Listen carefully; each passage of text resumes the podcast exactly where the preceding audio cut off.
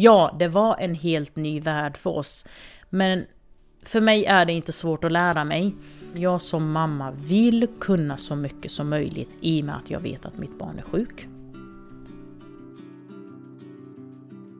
Du lyssnar nu på podden Nära dig från Region Jönköpings län.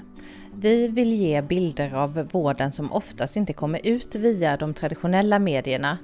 Patienter och andra får här berätta och fördjupa sin historia.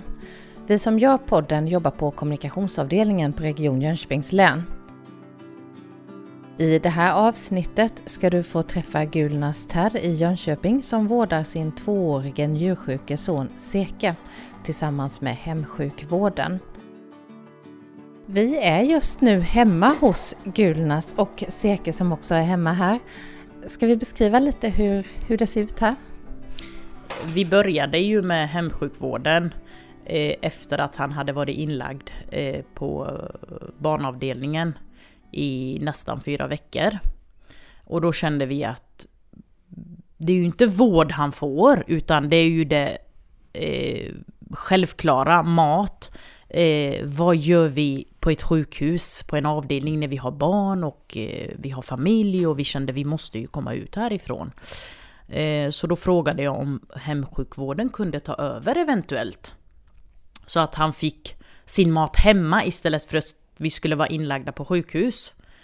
Eh, och eh, det gick bra. Så att eh, i slutet av januari så kom vi hem och sen dess har vi varit hemma eh, med hemsjukvården. Eh, men samtidigt är vi ju på eh, barnavdelningen några gånger i veckan och lämnar prover och vikt och byter nål. Annars fortsätter hemsjukvården hemma. Och om vi ska eh, beskriva lite hur, hur det ser ut här hemma hos er nu då. Eh, Seke sitter här, nu ritar han med mitt block. Han sitter här och han har en slang eh, inkopplad eh, som går till en svart ryggsäck som ligger här på golvet också. Där han har lite kudde och filt och lite leksaker och så. Eh, berätta lite om, om den här slangen.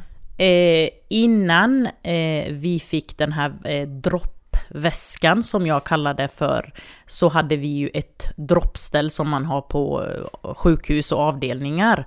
Eh, I och med att han är bunden till dropp 20 timmar om dagen så var ju vi väldigt begränsade som föräldrar. Eh, våra barn blev utsatta för att vi inte kunde röra oss. Det var ju eh, bunden till dropp 20 timmar. De fyra andra timmarna var ju, jag ville ju inte begränsa min son ytterligare.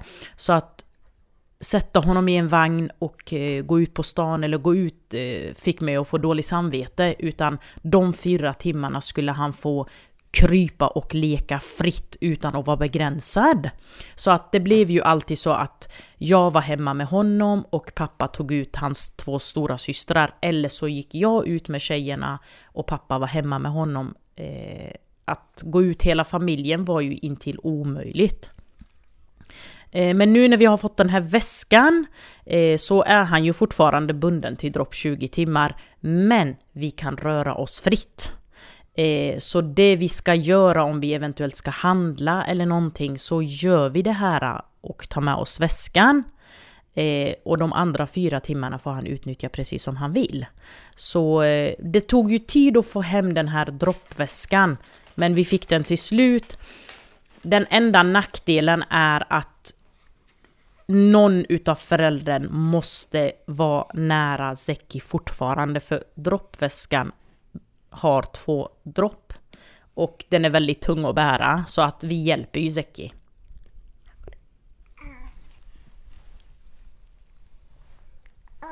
Av. Vatten.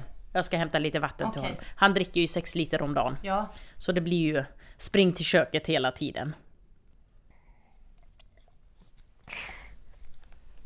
Magen är ju tom. Eh, för att han får ju dropp och det är ju via blodet. Eh, men egentligen ska man ha mat i magsäcken som är det rätta egentligen. Men i och med att den knappen strular som han har i magen så får han ju via dropp. Och dricka 6 liter vatten om dagen. Eh, först och främst så hinner han inte törs eh, släcka törsten för att det kommer ju upp lika snabbt. Eh, och sen gör ju det att vatten är det ju ingen energi eller smak. Det gör ju att du mår illa utav det, för det är bara vatten.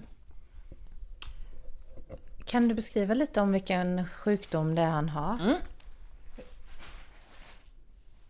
Han har en njursjukdom som heter Barter typ 1.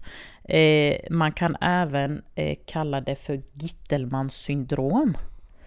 Eh, och den här sjukdomen har fyra olika varianter så det finns eh, Barter typ 1, 2, 3, 4. Eh, han har inte den svåraste men han har inte den lindrigaste heller så den är ju lagom svår. Så det är ju Barter typ 1. Mm. Och vad gör den då med kroppen? Det är en djursjukdom? Det är en djursjukdom. Och eh, om jag har förstått rätt, eh, för att jag är ju den som frågar väldigt mycket och vill veta, eh, så är eh, pumpen i njuren som ska justera natriumet och, och kaliumet till kroppen som är väldigt viktig. Eh, men att man inte tänker på det när man in, inte har sjukdomen. Eh, den här pumpen gör inte sitt jobb. Så han kan inte justera kaliumet och natriumet i sin kropp. Mm. Kommer den här sjukdomen att gå över eller försvinna? Nej, den kommer inte försvinna. Eh, han kommer behöva vård livet ut. Sen brukar jag ju alltid säga så här, vi vet aldrig vad forskning visar om tio år. I dagsläget så finns det inget botemedel mot den här sjukdomen utan det är vad forskning visar om tio år, fem år. Vad händer om han äter? Det händer ingenting egentligen. Det är bara att han eh, inte kan hantera maten. Han är inte van vid att äta via munnen. Så han kan inte riktigt hantera den. Eh, det skulle vara jättebra om han gjorde det. Eh, för han har ju inte varit så här när han föddes. Eh, han fick ju via, han fick sondnäring i och med att han kom tidigt via näsan. Och sen när han var tillräckligt stor och stark så använde han ju munnen som vilket barn som helst. Eh, det var när han blev väldigt sjuk och inlagd som han fick via dropp. Och det gjorde, hon, det gjorde att han inte hade lust längre att använda munnen för det var mycket enklare att få det direkt utan att tänka på att man ska få i sig mat. Och hur gammal var han då? Eh, åtta månader var han när han blev sjuk och vi hamnade på vårdavdelningen. Ja, då var han åtta. Och hur gammal är han nu? Han är två år. Precis, eller? Jag justerat är han två år och en månad. Eh, för att han kom ju tidigt. tidigt? Eh, han kom vecka 32. Eh, så han skulle komma i början av mars, men han kom i början av januari istället. Vatten! Vatten! Vatten redan när jag var i vecka 20, när han var i min mage. I och med att jag inte är förstföderska så var det väldigt lätt för mig att förstå att det är något som inte stämmer. Eh, hade det varit mitt första barn så kanske jag inte skulle ha tänkt på det här så mycket. I och med att eh, man inte vet hur det är. Men jag hade ju två andra barn. Så vecka 20 så eh, kände jag att det är något som inte stämmer med den här graviditeten. Tråkigt nog så kunde jag inte övertala min barnmorska till att det var något som inte stämde. Och om jag inte minns fel så eh, tog det mig fyra veckor att försöka förklara att det är något som inte stämmer. Jag mår inte bra, jag blir andfådd, det känns som om jag, någon kväver mig när jag lägger mig ner. Eh, jag kan inte ta på mig skorna redan nu. Jag vill inte tänka i vecka 30-35 när jag inte kan ta på mig skor redan i vecka 20. Hur kommer jag se ut? Hur kommer jag må? Så att eh, det var vecka 24 tror jag det var, eh, då jag äntligen övertalade henne till att ta på min mage och undersöka. Då, när hon hade känt på magen så fick jag svaret, eller så, fick, så ser jag henne och oj, säger hon. Eh, det är något fel på det här barnet eller så har du alldeles för mycket fostervatten. Så jag ska ta och ringa förlossningen. Eh, så att jag åker till förlossningen Eh, jag blir undersökt och då har jag ungefär 8 liter vatten i magen. Fostervatten. Där fick jag svaret på varför jag känner mig kvävd.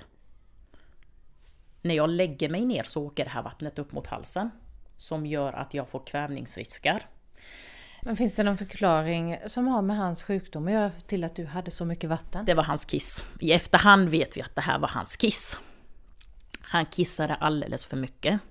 Så att eh, när jag blev snittad så var det, de visste ju inte vad de förväntade sig. De visste ju inte vad det var. Så att eh, planeringen, det var hur mycket folk som helst inne på rummet och det var för att de inte visste vad förväntade dem. Det jag minns väldigt bra, min svägerska var med mig på förlossningen för min man är rädd för sånt. Han stod utanför. Eh, när de snittade mig så hörde vi det här vattnet. Du var vaken? Fush, ja.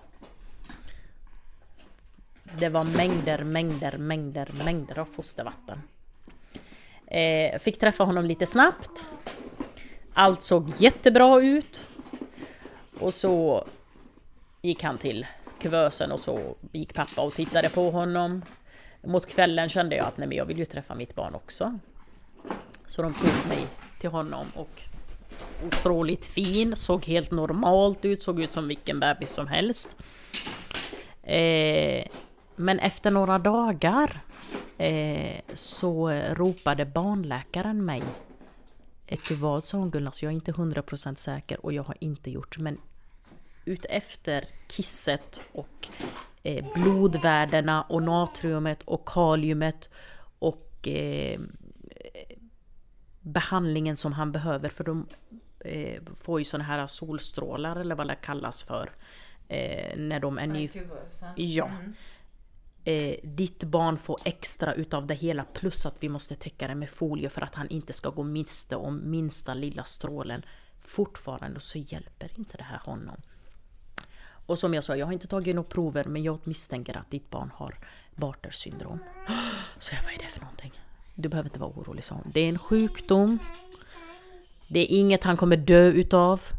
Dör han så dör han utav något helt annat. Vilket vi alla människor kommer göra förr eller senare. Men koppla inte ihop sjukdomen med döden. Nej. Jag garanterar dig att han inte kommer dö utav sin sjukdom. Men han kommer behöva behandling livet ut. Och då börjar jag ju läsa det här och sen ska man komma fram till Barter. Typ 1, 2, 3, 4. Vilken har mitt barn? Fyran var ju både blind och döva. Så att eh, undersökningar och, och då ser man ju efter några månader att nej, nej, nej, nej, nej. Han har säkert Barter men inte typ fyra för jag, jag känner ju mitt barn. Han följer ju med i blicken och han hör ju mig. Fyra var uteslutet. Ingen fyra. Men vilket? Ja, slut. Eh, men sen vart det här bortglömt. Allt var som vanligt igen. Och inget mer prat om det och så fick vi komma hem och... Det jag reagerade på mest var Herregud vad han kissar. Alltså, han var ju eh, fullgången. Han var, när vi väl kom hem så var han ju i vecka 40. Men han kissade som en fullvuxen. Och det var liksom, men jag har ju två andra barn. Det här kände jag ju inte igen. Så jag klagade ju hela tiden på att han kissade jättemycket. Och det var därefter som vi fick träffa doktor Simon Rundqvist som gjorde ytterligare en eh, utredning och eh, vi kom fram till att det är förmodligen Barter typ 1 han har. Och sen är det ju Barter typ 1, vad är det för någonting? Eh, men Simon är otroligt duktig på det här så han förklarade väldigt fint tills jag förstod det här. För i början var det Ja, han har Barter, vad är det för någonting? Det är en njursjukdom. Jaha, okej. Vad är det för njursjukdom? Fungerar inte njurarna? Ska han inte få ny, nya njurar? Så det var Simon, snälla kan du sitta och förklara allt? Så han ritade och förklarade och det här går hit och det här går dit och så här fungerar kroppen. Man tänker inte på att njurarna är väldigt viktiga men de är väldigt viktiga för kroppen. Eh, han var ju väldigt orklös. Eh, så han åt ju väldigt, väldigt dåligt. Och det slutade med att han blev så mager att vi hamnade på sjukhus och var inlagda.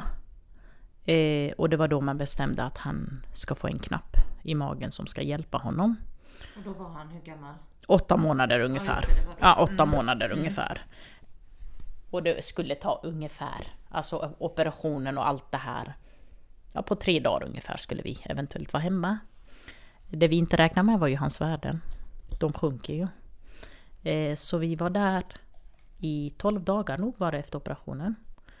Eh, men vi fick inte komma hem utan vi blev vart transporterade till eh, Ryhov istället. Eh, för att man skulle bli lite mer van, skulle få träffa Simon också. Han kände ju Zeki bäst. Eh, så vi var transporterade hit efter att han fick sin knapp dag 12. Eh, och här känner man ju sig hemma. Vi trivs ju väldigt bra med Ryhov så att eh, det gick bra. Vi fick lära oss knappen. Eh, det var därefter man fick eh, ja, rondeller till knappen, sprutor, mat. Allt vad vi behövde egentligen. Det här var en helt ny värld för... Ja, ja, ja, ja, ja, ja, ja. Eh, det bästa utav allt var sköterskorna var ju så underbara. Alltså jag kunde ju ringa dem flera gånger om dagen och fråga Men det här då, hur ska jag göra det här då? Och ibland kunde jag liksom säga Förlåt, jag skäms över att jag ringer. Nej, nej, nej, nej, det är ju därför vi finns här. Du får ringa när du vill, hur du vill. Det finns inga dumma frågor. Det är bara dumt om man inte frågar. Ring när du vill och in när du vill.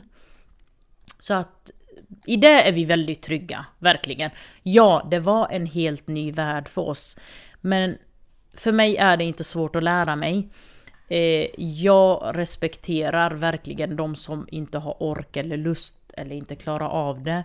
Men jag som mamma vill kunna så mycket som möjligt i och med att jag vet att mitt barn är sjuk.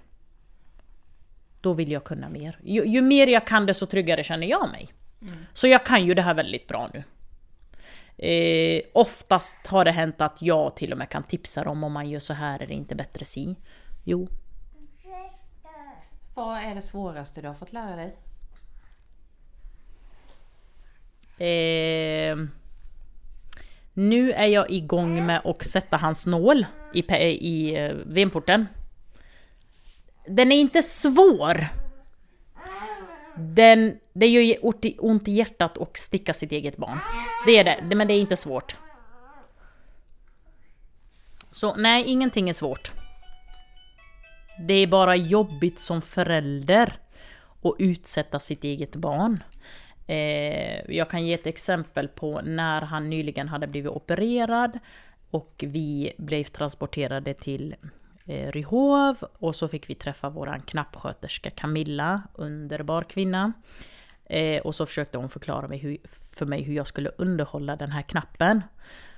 Eh, om när jag skulle ta ut knappen och byta helt och hållet, om hur jag skulle tömma och kuffa upp den. Och det var så här, aldrig i livet.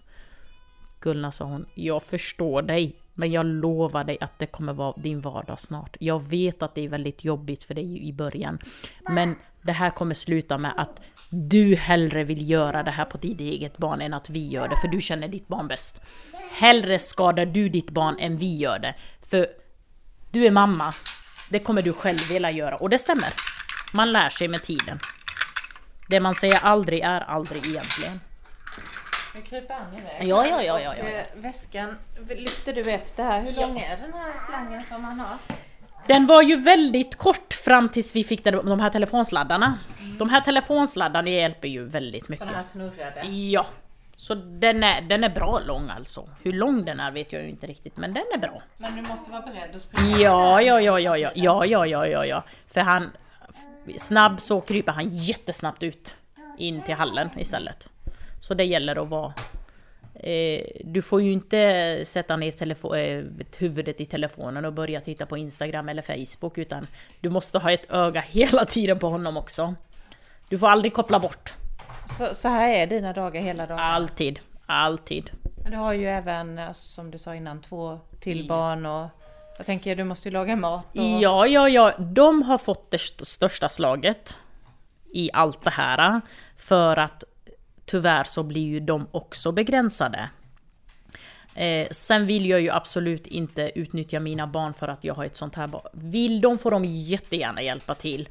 Eh, de frågar, vill lära sig väldigt mycket och det blir jag glad över. Men jag skulle aldrig tvinga i dem att ta över ansvaret. Men däremot, vill de hjälpa till får de jättegärna göra det för min del. Men jag kommer inte sätta ansvaret på dem. Utan de gör det bara om de själva vill. Men hur gör du exempelvis om du vill gå och handla eller så? När jag går och handlar, eh, om jag vill ha egen tid, då är pappa hemma med honom. Är pappa på jobbet, så tar vi våran väska och så går vi och handlar. För den har vi under vagnen. Väskan har vi under vagnen. Eh, det enda tråkiga ibland är att hissen går sönder. Och då är det plinga på hos grannen som är jättetrevliga, ett äldre par. Eh, och så plingar jag på hos dem, snälla säger jag, vill ni ha ett öga på Säcki tills jag går upp med varorna och sen kommer och hämtar honom. Och det går jättebra. Så de är underbara de också. Ja, ja. det är inte så stor skillnad från att ha ett, en, en vanlig Nej, nej, nej, nej. Det är det inte. Eh, Men hur tror du det blir när han blir ännu mer rörlig än vad han är nu så att säga då? Då är det, då är det verkligen varenda sekund. Nu är det, du kan liksom låta honom glömma det här, leka 5-10 minuter, eh, glömmer bort att han ska krypa iväg. Men när han väl är igång på riktigt, då är det 7-24 verkligen. Mm. Det är det ju. Mm. Eh, så att eh, gå tillbaka till jobb eller det här i dagsläget, nej. Jobbade du innan? Ja. Var? Samhall, eh, IKEA, städjobb. Men eh, jag ska vara helt ärlig med att jag har starkt tänkt på att säga upp mig. Eh, om varför? Han sover ju inte på nätterna. Eh, när han sover middag så sover jag också middag. Eh, annars, om jag inte tar igen mina timmar, eh, så kommer jag väl svimma någonstans antar jag. Så att sover han middag, då sover jag också. Eh, var uppe hela natten och sen gå till ett jobb sex på morgonen. Nej, jag kommer inte klara av det. Det kommer jag ju inte göra. Sen, jag vill ju inte vara den... Jag vill ju kunna komma ut några timmar. Men i dagsläget väldigt svårt. Det är det.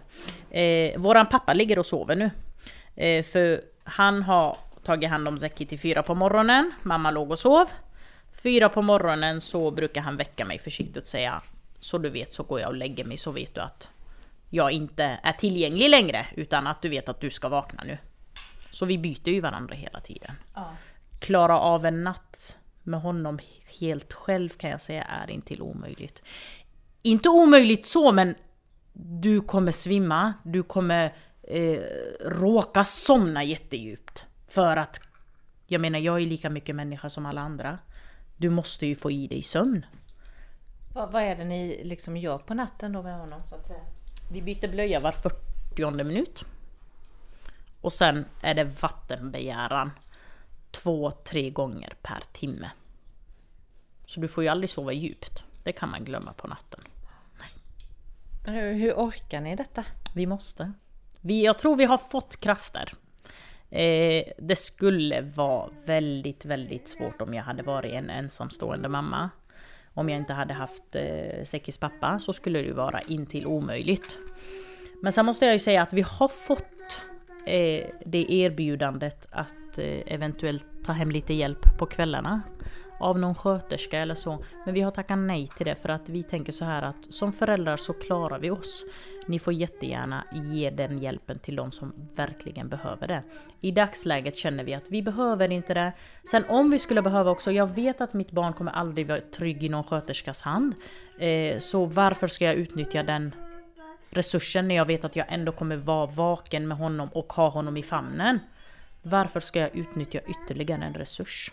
För han kommer ju aldrig vara trygg hos någon främmande. Men hur länge kommer det här fortsätta då med blöjbytena och vattendrickandet tror du? Det finns inget svar på det. Inget svar.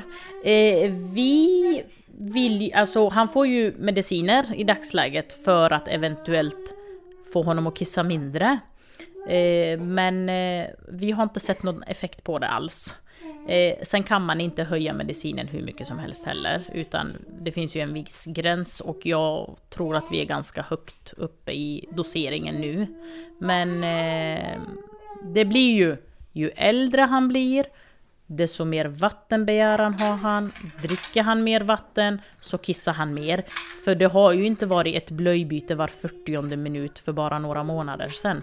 Eh, så jag är ju, tänker ju mer så här att kommer vi hamna i den situationen att vi byter blöjor var tionde minut istället. Det är ju åt det hållet det går nu. Eh, så du får ju absolut inte glömma bort att inte byta på honom, utan då läcker det på en gång. Det är ju det. För han kissar ju mängder, mängder, mängder. Mm. Hur har systrarna liksom reagerat på detta? De har inte sagt så mycket. Det var faktiskt nu häromdagen när det var Rocka Sockor eh, som hans eh, stora syster kom, åttaåringen. Och då har de pratat om eh, kromosomavvikelser och det här. Och så kom hon hem och så sa hon Mamma jag måste bara fråga någonting. Jag vill veta vilken kromosom min bror saknar, för det har du inte sagt till oss. Och då var det att förklara din bror saknar ingen kromosom, det är skillnad.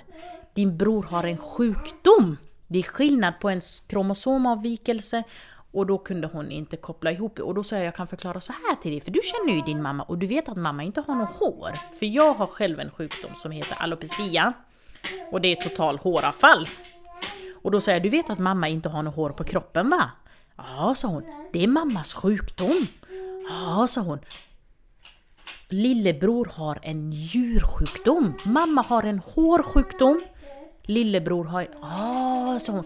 Han har alla sina kromosomer. Ja, sa jag, han har alla sina kromosomer men han har en sjukdom.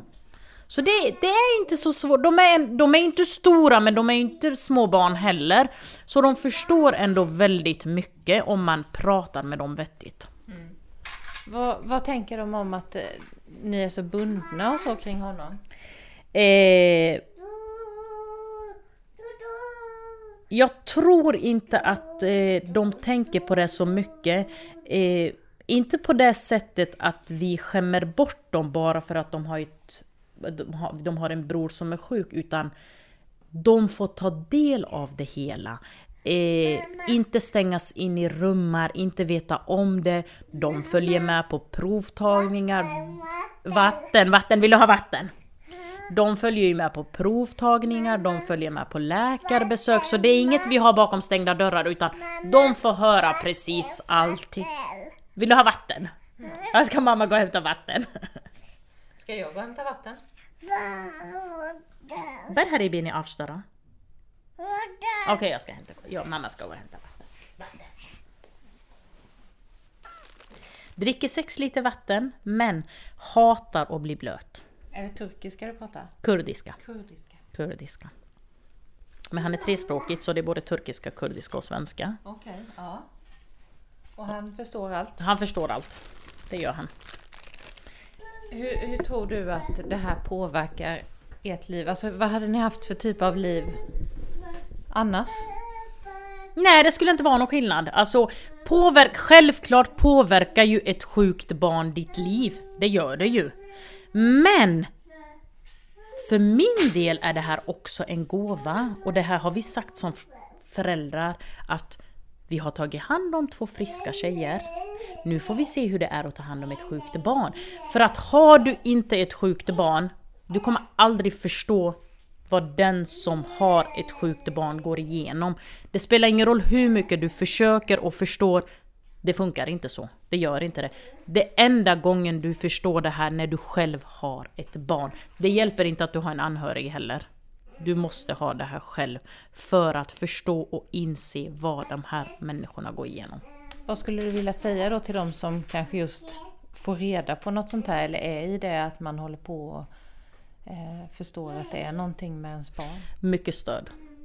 Alltså man behöver all världens stöd. De här minsta grejerna ni tänker på. Bara handla jag tar hand om barnet, ni kan gå och handla, eller jag går och handlar till er. Det är sådana små grejer som du egentligen inte tänker på som är väldigt viktiga. För att som förälder, det spelar ingen roll att du har ett sjukt barn. Tyvärr, kroppen ger upp ibland där också.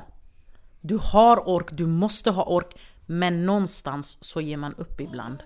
Och det är de här äh, 10 minuterna som du får vara för dig själv som räcker. För min del räcker det i alla fall. Eh, jag har tre barn, jag älskar att gå ut och handla med dem. Men sen har jag mina stunder där att jag säger nej, ni får inte följa med till Willys. Som ligger utanför här jag bor. Varför? Vi brukar alltid följa med dig. Egen tid. Men mamma, handla egen tid. Ja, det är egen tid. För då går jag i mina egna tankar. Jag behöver inte ha ansvaret för er. Bara det räcker för min del. Mm. Om du tänker ditt liv om tio år, hur tror du det ser ut? Då har jag en kille som går i skolan. Som är otroligt smart, för det är han redan idag. Eh, och mamma jobbar. Någonstans i alla fall. På något jobb. Men så som det ser ut nu, mamma skulle absolut inte tacka nej till ett sjuksköterskejobb.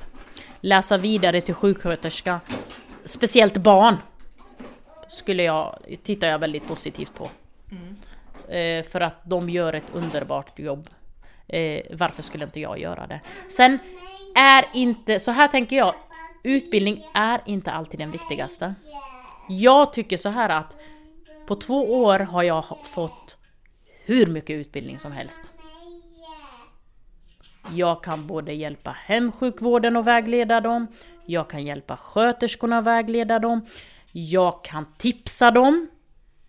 Eh, fast det är deras jobb, men det spelar ingen roll att det är ens jobb. Ibland tänker man inte lika mycket som en förälder gör.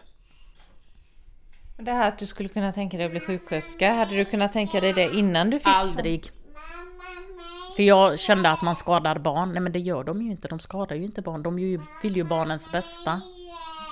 Men det kan jag nu.